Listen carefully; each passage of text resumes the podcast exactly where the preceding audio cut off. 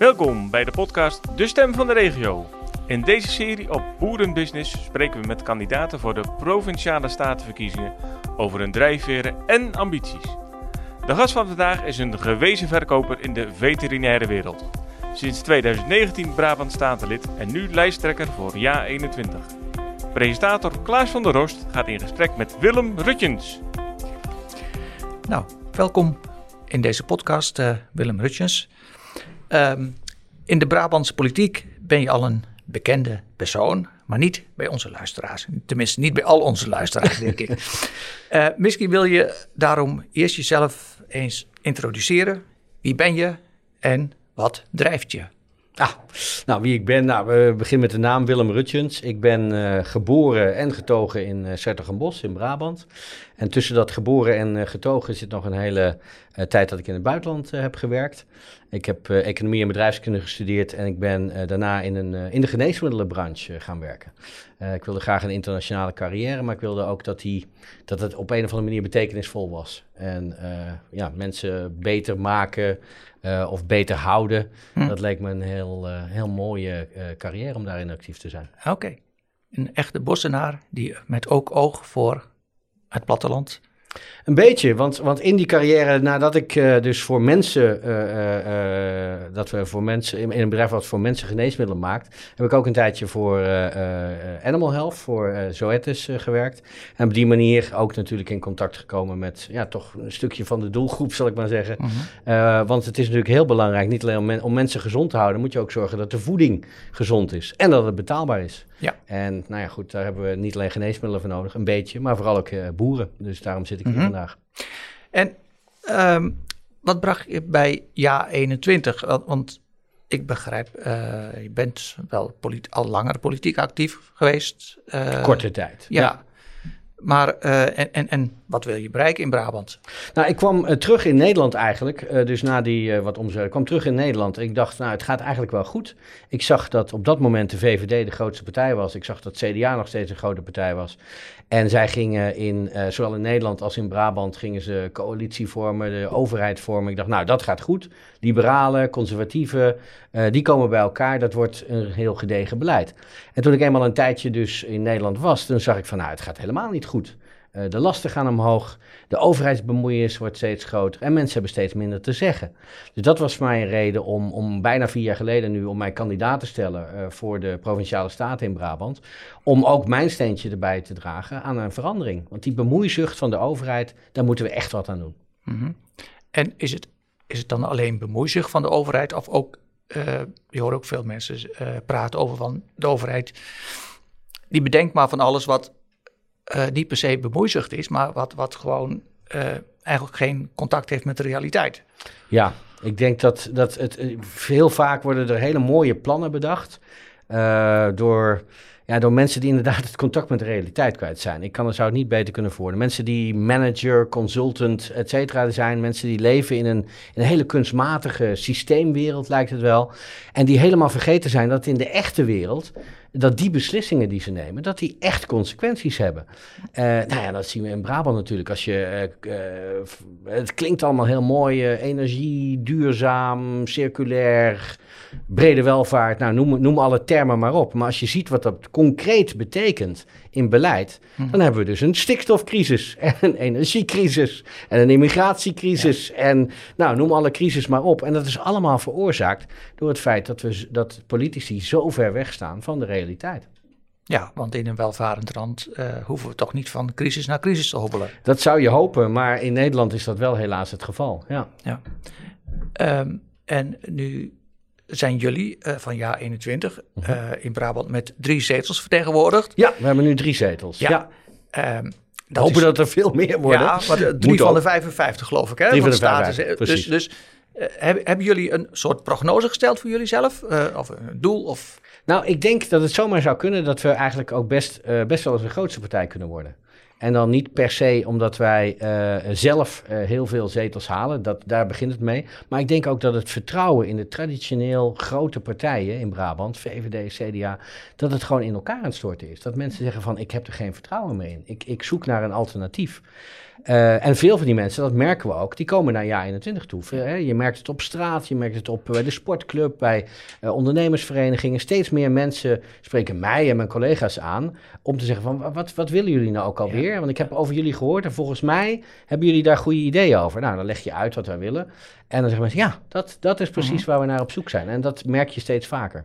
En welke punten concreet uh, hopen jullie de mensen mee te winnen, de kiezers? Nou, het begint ermee met, uh, als, je het, als je een beetje op een hoog abstract niveau zegt, dan inderdaad die bemoeizucht van de overheid, daar moet echt uh, wat aan gedaan worden. En als je dan kijkt, wat betekent dat concreet? Dan hebben we het over energiebeleid. He, we willen stoppen met windturbines, zonnevlaktes, bomen stoken. Maar we willen vol inzetten op kernenergie. Hm. He, we willen ook een eigen Brabantse kerncentrale. Als je het hebt over natuur en landbouw, en dat is misschien interessant uh, voor, voor je luisteraars, ja. um, dan hebben we het gewoon over, we moeten, we moeten naar een, een echt natuurbeleid. He, want we hebben in Brabant hebben we 21 Natura 2000 gebieden. 21 Natura 2000 gebieden, beschermde gebieden op 5000 vierkante kilometer als ik dat aan, aan, aan mensen in het buitenland uitleg, dan kijken ze me aan of wij helemaal krankjorum zijn. Die zeggen dat een natuurgebied zoveel op 5000 vierkante kilometer, dat kan helemaal niet. Dat past niet. Dat zijn parkjes. Um, het wel. En, ja, en, en daar begint eigenlijk het probleem al. Uh, want het zijn niet, niet natuurgebieden zoals je dat uh, uit de tekstboeken zou verwachten, of zoals mensen in het buitenland dat zien. Maar het is allemaal door mensen gemaakt. Ik had het voorbeeld de Loons en Duinen. Heel erg leuk om daar te wandelen. Maar het is gewoon door mensen gemaakt. Overbegrazing en bomenkap hebben gezorgd dat we daar heel veel stuifzand hebben. En als je de natuur zijn gang laat gaan, dan komen daar prachtige bossen. Maar dat willen we niet. De tekentafelnatuur wil dat niet. Natura 2000. Dus wat doen ze daar? Ze rukken daar bomen uit de grond. Echt waar. Omdat het daar hei en stuifzand moet blijven. Nou ja, uh, dat is natuurlijk uh, niet, niet wat we moeten willen. Nee.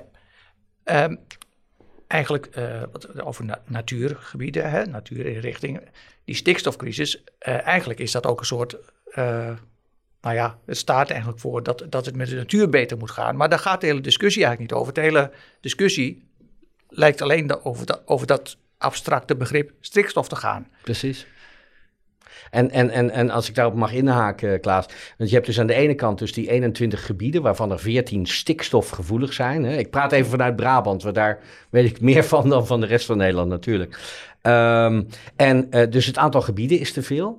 Uh, het zijn gebieden die op de verkeerde uh, gronden beschermd worden. Hè, want het is niet door de natuur, maar het is door mensen gemaakt.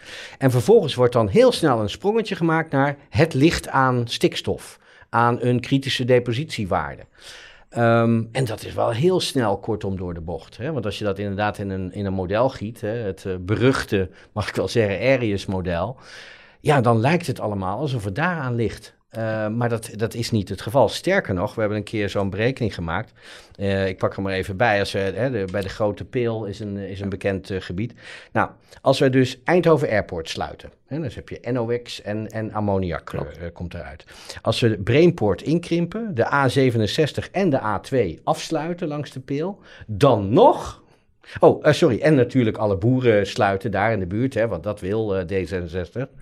Dan nog halen we de normen niet. Dan worden de normen uit het model niet gehaald. Dus zelfs als uh, alle boeren uh, daar opgeven en alle industrie sluit, dan nog zegt het model dat het niet genoeg is. We zouden het luchtruim moeten sluiten. Nou ja, dat is dus in, in, in die berekening al meegenomen. Dus dan zou, oh, ja, zouden we bedoel, het buitenland moeten zou je, afsluiten. Ja. Zou je een, een Ja. hoog uh, schotje moeten zetten. Ja, nou dat moeten we voor andere dingen misschien een grens uh, instellen. Maar voor lucht wordt dat heel erg lastig. Ja, ja. ja. Maar ja, dat is dus het wat ik al eerder aangaf. Dus dan een, een hele bemoeizuchtige overheid die ook nog vanuit een modeldenken uh, beslissingen neemt. In plaats van vanuit de praktijk. Ja. En als het nou puur vanuit het, uh, op een evenwichtige manier vanuit het model zou gaan, zou je Mhm. zeggen van, nou, misschien als we allemaal daarvoor moeten bloeden en er moet iets gebeuren. Maar in ieder geval hebben boeren de indruk dat zij bovenmatig moeten bloeden. En, en in Brabant zegt dan de overheid ook nog van, wij willen voorloper zijn, we zijn voorloper. En wij gaan het nog sneller doen dan de rest van Nederland. Ja, hoe uh, ervaar je dat?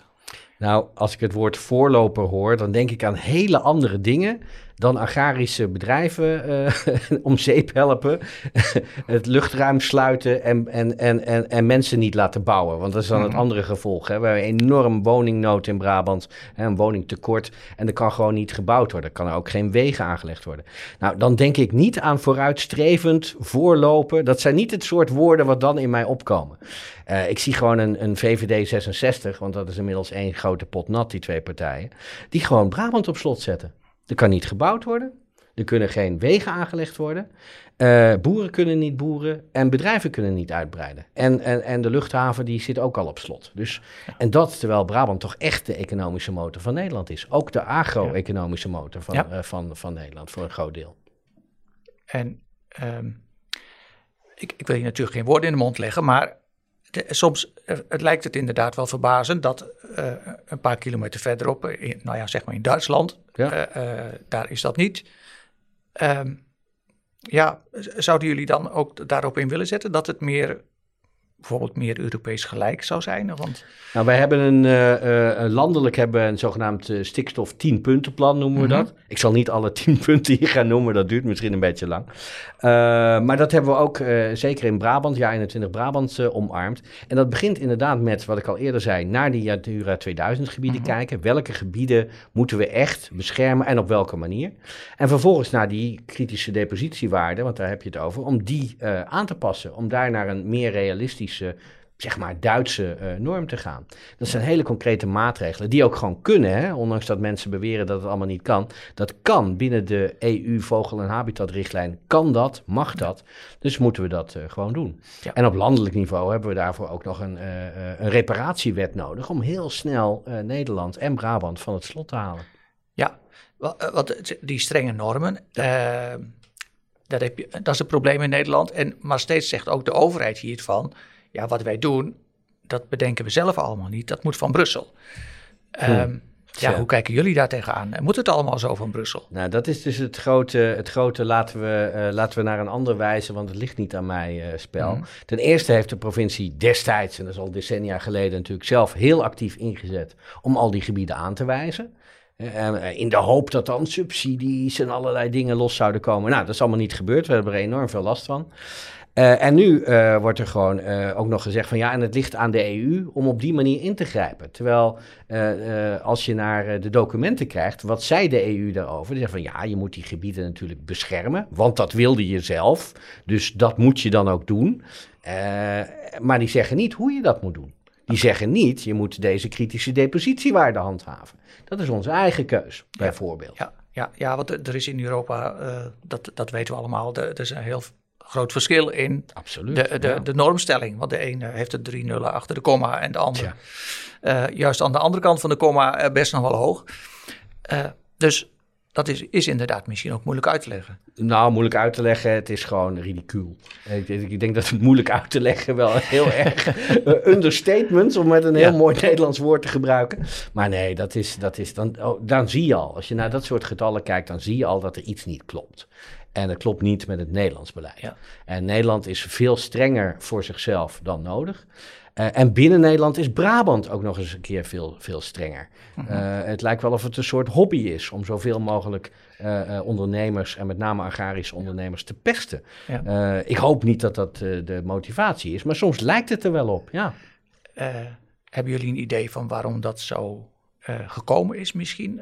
wat, wat zou nou de oorzaak van zijn dat daar zo'n uh, zo'n focus ligt op het platteland. Uh, want soms is dat, lijkt het voor, voor een buitenstaander moeilijk te verklaren. Waarom moet het allemaal daar gebeuren? Hè? Moet het allemaal daar veranderen? Nou, ik denk dat, uh, en dat is misschien het misverstand, het is niet alleen het platteland wat, wat er onder leidt, zeg maar. Mm Maar ik denk dat we allemaal de gevolgen hiervan zien. Zowel van de keuzes op Natura 2000 stikstofgebied, als ook de keuzes op het gebied van energie. Hm. En het zijn de boeren die dat nu het eerst merken Omdat zij nu het eerst geconfronteerd worden met de gevolgen van dat soort keuzes, met de gevolgen van het beleid. En dat ze nu het eerste zoiets hebben van, wacht even, uh, mijn bedrijf staat onder druk. Mm. Maar datzelfde merken de bouwers nu ook. Ik was van de week nog bij, bij Bouwen Nederland op bezoek in, in, in Brabant. Die zeggen ook, wij kunnen op een hele hoop plekken vanwege stikstof niet bouwen. Wij kunnen vanwege de energietransitie niet meer bouwen voor de kosten uh, die, we, die we vroeger hadden. Het wordt, het wordt steeds duurder. Um, nou ja, en kijk maar gewoon uh, uh, als je gewoon naar de supermarkt gaat, hoe duur alles is geworden. Uh, ik denk dat we steeds meer geconfronteerd worden met de gevolgen van de keuzes van de, van de huidige overheid. En boeren is daar, zijn daar één grote belangrijke groep van. Ja, ja. ja. En, en, het wordt nog wel eens voorgesteld dat, dat de landbouw en mhm. de, zeg maar de bouwers, ja. met name die, dat die elkaars vijanden oh, of tegenstanders zijn. Hè? Ja, ja. Want we oh. zeggen ja ik vind dat zo'n valse tegenstelling. Want dat wordt dan heel vaak geroepen hè, van uh, ja, de boeren uh, die moeten weg, want anders kunnen de bouwers niet aan de slag. Of uh, soms dan heb je boeren die worden dan opgestookt zeggen van ja, we gaan het vliegveld bezetten, want zij mogen wel vliegen en wij mogen niet boeren. En dan denk ik van ja, maar wacht even, we hebben één gemeenschappelijk probleem allemaal. Of je nou eh, boer, bouwer, gewoon burger in de supermarkt bent. We hebben allemaal het gemeenschappelijke probleem. En dat is dus het stikstofbeleid en het energiebeleid. Daar hebben we mhm. allemaal last van. En het is een soort valse tegenstelling, alsof we zouden moeten kiezen. Dat zie je bijvoorbeeld bij andere partijen. Dan zeggen van ja, nee, want uh, die boeren moeten echt minder stikstof uitstoten, want anders kunnen we niet bouwen. Dat is niet het probleem. Het probleem ligt aan die veel te strenge regelgeving. Al die gebieden die helemaal geen natuurgebied zijn. Mhm. Dat is de oorzaak van het probleem. En zolang je weigert naar de oorzaak te kijken, dan kun je de oorzaak ook niet wegnemen en kun je het probleem niet oplossen. We blijven doormodderen. Sterker nog, uh, van de week stond er nog in het NRC uh, dat als uh, Nederland alle stikstofnormen haalt, mm hè, qua uitstoot of zogenaamde uitstoot, dat dan nog steeds het grootste deel van Nederland rood kleurt, volgens het kaartje. Dus dan nog kan er niet gebouwd en gevlogen en geautorijd. Ja, ja, dat is niet een goed woord, maar autogereden, autogereden uh, worden. Uh, omdat gewoon heel Nederland nog steeds rood kleurt. Ja, en dan weet je dus, als je dat kaartje ziet, dan weet je dat het niet meer realistisch is. Nee, want als je dan consequent zou zijn, dan zou je zeggen van Nederland ontruimen. Ja, en dan heb je dus een leeg, kaal heidegebied met stuifzand. waar, waar, waar niemand meer woont, niemand meer auto rijdt. en ook geen enkele boer meer is. Ja. Maar waar die mensen allemaal terecht moeten en hoe ze moeten eten, dat vergeet dan iedereen. Ja. Um, in, in uh, het rapport van de commissie Remkes, het tweede rapport, dus van eind vorig jaar. Oh ja. Mm -hmm. hè, uh, uh, concludeerde Johan Remkes dat er, dat er in ieder geval een grote vertrouwensbreuk is. Hè? En, en hij concludeerde dat, uh, zeg maar, na voltooiing van de opdracht uh, die hem was gegeven in het, door het kabinet. Mm -hmm. uh, ja, dat, dan is de vraag van die vertrouwensbreuk, hoe ga je die repareren? niet iedereen is ervan overtuigd dat er hard aan gewerkt wordt. maar eigenlijk ook wat, wat misschien wel interesseert, ja, meer interesseert, van hoe zou je die breuk kunnen herstellen? Hè? Dan zeggen jullie misschien, nou, door jaar 21 uh, uh, dat is een heel goed begin. regeren. Hè? Door, door, door jaar 21 uh, aan, de, aan de stuurknoppen te zetten, ja. ja. Maar... Uh, dat is niet voldoende. Misschien een beter antwoord. Dat is niet precies. Ik denk, je moet, ook daar moet je kijken naar de oorzaak. Hè, en dat is altijd met problemen. Je moet kijken, wat veroorzaakt nou het probleem? En uh, vertrouwen, hè, het woord zegt het, of tenminste een bekend gezegde is: het, uh, het uh, komt te voet, gaat te paard. Nou, dat is met vertrouwen, is ook echt waar. En, um, en dat begint met het beleid. Nou, daar hebben we het net al een beetje ja. over gehad. Hè, van als je verkeerd beleid inzet en je krijgt daardoor problemen.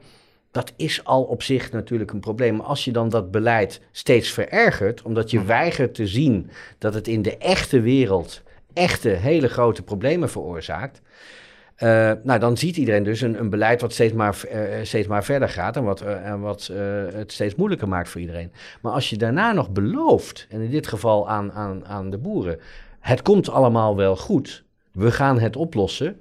Laten we aan tafel gaan zitten en samen gaan kijken hoe we het oplossen. Hè? Dat is dan altijd een beetje wat er verteld wordt. En vervolgens keer op keer op keer worden die beloftes niet waargemaakt. -huh. Ja, dan zou ik inmiddels ook heel weinig vertrouwen meer hebben in, in de overheid. En dat zien we met pasmelders. Er werd verteld van nee, dat is geen probleem. We weten dat het allemaal niet volgens de wet en de regelgeving is. Maar dat komt goed. Zolang u het maar meldt, dan komt het goed. Nou, dan gaat er één club naar de rechter en dan komt het niet goed. In Brabant zien we dat aan de zogenaamde stallen-deadline. Hè? Dan moeten mensen minder uitstoot in stallen hebben. Ehm, ja, ehm, 2024, dat is echt een datum. Dan zijn die stallen er, dan zijn ze juridisch geborgd. Maar die Komt datum is allemaal goed. toch, geloof ik? Precies. Maar wel, wel meer inleveren. Dus die datum die was op 1 januari 2024. Iedereen zegt dat is totaal irrealistisch, dat werkt niet, eh, kan niet, et cetera. Nou, inmiddels zijn we in 2023 en is er met een halfjaartje uitgesteld. Ook weer een gebroken belofte, want iedereen weet dat het 2024 niet werkt. Overigens weet iedereen ook al dat het 1 juli, zes maanden later 2024, ook niet gaat werken natuurlijk. Dus als je dat keer op keer doet, Ja. dan verlies je het vertrouwen. Maar er zit, Ik vind het trouwens heel knap, hè, dat een hele hoop boerenorganisaties nog steeds aan tafel gaan zitten en serieus duur, eh, praten met de overheid. Ehm, ik, ik vind het ontzettend knap dat je dat doet met, met alles wat er gebeurd is. nou, als ik, ik weet niet of ik dat, eh, dat, dat goed analyseer, maar ik denk, eh, of ik hoor in ieder geval van veel van die boeren die meepraten en ook mensen daaromheen van als ze niet meepraten, dan wordt er over ons beslist. Dat is steeds het argument wat je dan hoort. Ja. Maar, eh, Maar Ja. tot waar wil je praten dan? Hè? En, en, Ja. en, en waar, ja. maar de- over de, dat, die overheidsbeloftes, hè? Ja. En, en dat is natuurlijk een vraag die je aan elke politicus, politicus kunt stellen. Maar als een overheid keer op keer de beloftes niet nakomt, wat is er dan aan de hand? Ik bedoel, eh, iedereen kan fouten maken, Ja. eh, maar de overheid eh, moet eigenlijk een hogere kwaliteitsstandaard hanteren dan de gewone burger. Mag je zeggen, toch? Dat zou je mogen verwachten. Ja. Ja, zeker. Ja, Hoe, oh, moet, hoe dat gerepareerd worden eigenlijk? Ja, nee, ik, ik zit alleen maar te knikken. Ja, dat moet gerepareerd worden natuurlijk. Ehm, eh, want dat, dat is waar het mee begint. Als je stug zo blijft volhouden, en dan komen we weer terug bij de oorsprong van het probleem. Aan die Natura 2000 gebieden, aan die normen, et cetera. Als je daar stug in blijft volhouden, eigenlijk tegen beter weten in, hè? Ja. Tegen, tegen de data en de feiten in. Als ja. je dat blijft volhouden. En maar blijft roepen dat het allemaal wel goed komt. Want we gaan de natuur redden en dan is er ook nog een plaats voor boeren. Terwijl dat helemaal niet zo is. Nee. Ja, er moet gewoon ander beleid komen. Dat is eigenlijk de enige, de enige manier om het, om het op te lossen. Anders blijven we doormodderen en dan is het nu Ja. deze sector en dan die sector. En uiteindelijk, eh, ja. Maar je zou misschien ook moeten zeggen van eh, er moet niet alleen ander beleid komen, maar eh, misschien moeten de dienaren van de overheid, de ambtenaren, ik bedoel, het zijn ook gewoon mensen, hè, maar da- dat die, dat die ook gewoon misschien wel moeten horen van, joh, we moeten gewoon eh, echt bij de feiten blijven. Ik denk dat eh, eh, het, ik, ik- het ligt niet aan de ambtenaar. Nou, ik, niet dat ik ze de schuld wil geven, hè, maar, nee, daarom. maar- Ik wilde echt wel even zeggen, dat het ligt niet aan de ambtenaren. En laten we ze ook vooral niet de schuld Nee. geven. Nee. Ambtenaren voeren uit, die krijgen Ja. opdrachten van politici. Hè, eh, maar wel in een eh, bepaalde omgeving, krijgen- die bepaalde krijgen- sfeer. Die krijgen precies, die krijgen opdrachten van eh, politici die gedeputeerden zijn, minister, staatssecretaris, nou, noem maar, dat zijn allemaal politici. Die bepalen wat er gebeurt en ambtenaren voeren, voeren dat uit. En daar ligt de oorzaak van het probleem. Eh, want als je ambtenaren, eh, die weten, de meeste die, die die modellen hanteren, weten ook wel dat als ze het model laten draaien zonder koeien, zonder vlieg- en autoverkeer, dat het dan nog steeds niet werkt. Dat zien ze ook wel. Alleen dat mogen ze Ja. natuurlijk van een politieke baas niet zeggen. Ja, ja. nee, het is, het, is, het, is het, het is heel helder. De ambtenaren zijn niet de schuld. Nee. Hè, de politiek die is verantwoordelijk. Maar de, de, de, de, de mismatch die er op het ogenblik eh, is, is zo breed, denk ik van ja, hoe breed gaat het eigenlijk wel niet mis? Hè? Ja. Tenminste, als je dat zou zeggen. Hè? Tenminste, ik wil daar niet zelf een oordeel over hebben, maar je, je merkt dat er heel veel mensen voelen dat er een mismatch is. Ja. Hè? En steeds meer. En dat is ook, eh, je merkt ook echt dat er langzamer eh, maar zeker een. Nou, aardverschuiving is een, is een groot woord, maar er zijn steeds meer mensen eh, die dan daarom ook die traditionele grote partijen, hè, wat ik eerder zei, VVD, CDA, PvdA, zijn altijd grote partijen en die zijn altijd in bestuur geweest, dat mensen het vertrouwen daarin verliezen. En dus op zoek gaan naar, naar andere partijen eh, die, die het anders willen. Nou, ik hopelijk komen ze bij Ja 21 terecht, dat lijkt mij een heel goed idee. Ja. Maar, ehm, maar dat vertrouwen in, in, de, in de overheid is daarom weg. Eh, het vertrouwen in die partijen. Eh, en je ziet ook dat er, dat er, en dat bedoel ik met aardverschuiving, dat steeds meer mensen dat, dat hebben. En, en, en je, ik spreek ze dagelijks. Mensen die dan zeggen van, nou, ik denk dat het ook anders moet. En jullie punten, daar ben ik het mee eens. Ja. En dat is de enige manier om het op te lossen. We kunnen niet blijven doormodderen. Nee. En dan is ja 21, hè, die partij staat te boek als een nieuwkomer, kanshebber. Ja. Gemiddeld ook iets minder randstadgericht. Misschien mag je, ik weet niet of dat helemaal trip.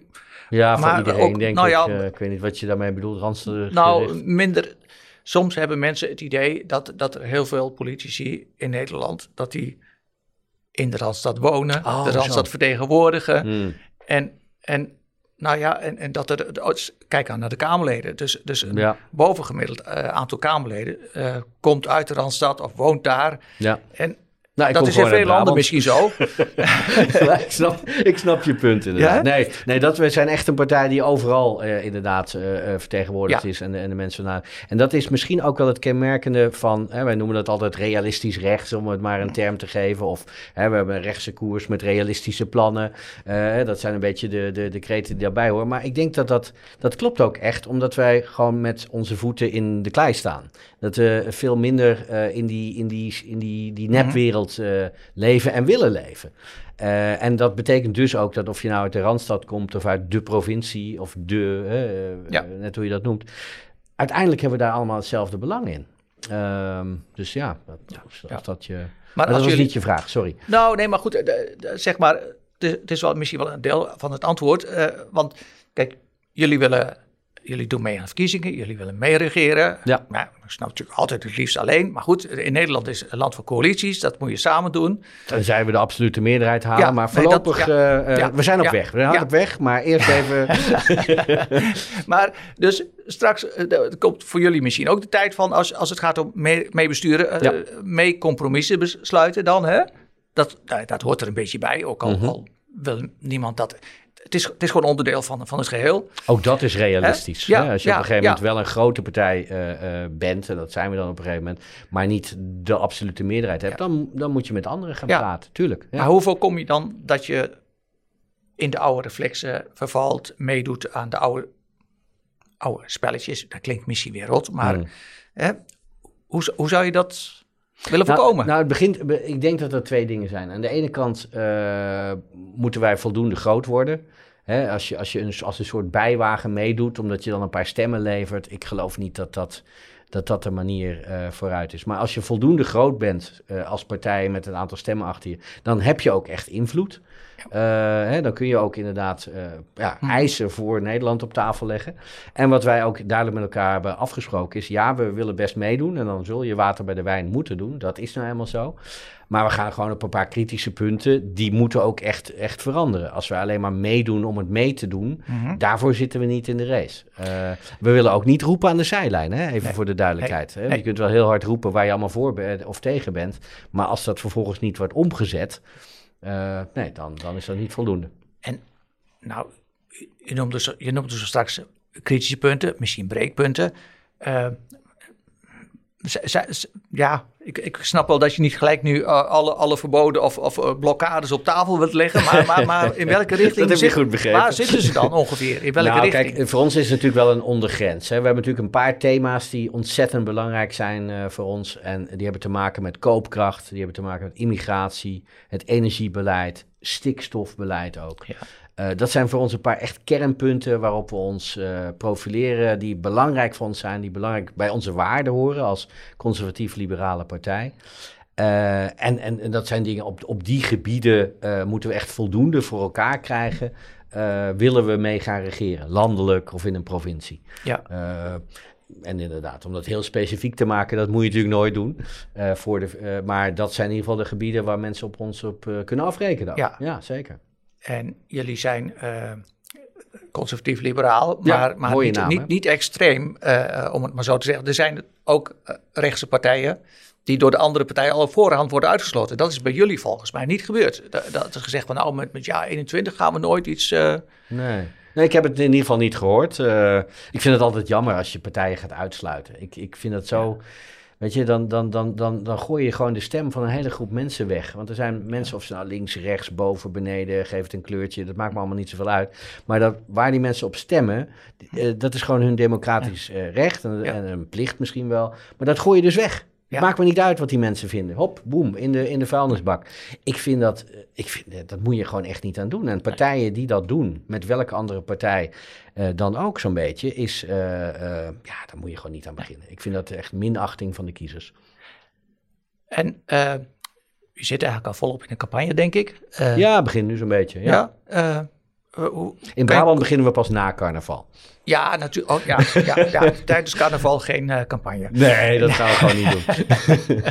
Ehm, eh, maar hoe, hoe loopt de sfeer tot nu toe? Is, als, als jullie een avond hebben in een zaaltje of zo, krijg je daar energie van? Krijg Ja. je veel respons? Eh, hoe- hoe Ja, erg leuk. We hadden vrijdag hadden we weer een. eh, we hebben regelmatig eh, bijeenkomsten eh, door het land. En, en eh, nou, bijeenkomsten met, met onze achterban, bijeenkomsten met andere kiezerssteden. Maar afgelopen vrijdag hadden we nog een bijeenkomst, was in Eindhoven. Erg leuk. Kreeg ik er heel veel energie van. Dus daar hebben we inderdaad wat verteld over wonen. Hè. We, hebben, we zitten midden in een wooncrisis. Wat gaan wij eraan doen? We hebben daar een heel eh, woonvisie op. Eh, over energie hebben we het gehad, over immigratie. Gewoon een paar, een paar thema's. Eh, heel leuk. Heel veel energie uit de zaal. Mensen die vragen hadden. Mensen die ook heel lang bleven om, om met Mhm. elkaar te praten, met ons te praten. Ehm, en, dat, en dat geeft me inderdaad dat gevoel dat, je, dat er echt iets aan het veranderen is eh, in, in Nederland en eh, ook in Brabant. Ja. Dus nog straks na carnaval, dat is ook natuurlijk een, vermoeiende periode. Maar Ja, goed, daarna we even, hard aan het woensdag. werk om heel veel kiezers te, te werven. Ja. Nou, eh, bedankt voor eh, je komst naar deze studio, eh, Willem. En eh, Dankjewel. veel eh, succes toegewenst. Ja, dank. Dankjewel. Dit was de podcast van Boerenbusiness, de stem van de regio, met Willem Rutjens. Verkiesbaar in de provincie Noord-Brabant voor jaar 21. Hij werd geïnterviewd door Klaas van der Rost van Boerenbusiness. Luister ook de andere gesprekken in onze podcastreeks terug en houd de site in de gaten voor meer afleveringen. Bedankt voor het luisteren en tot een volgende keer.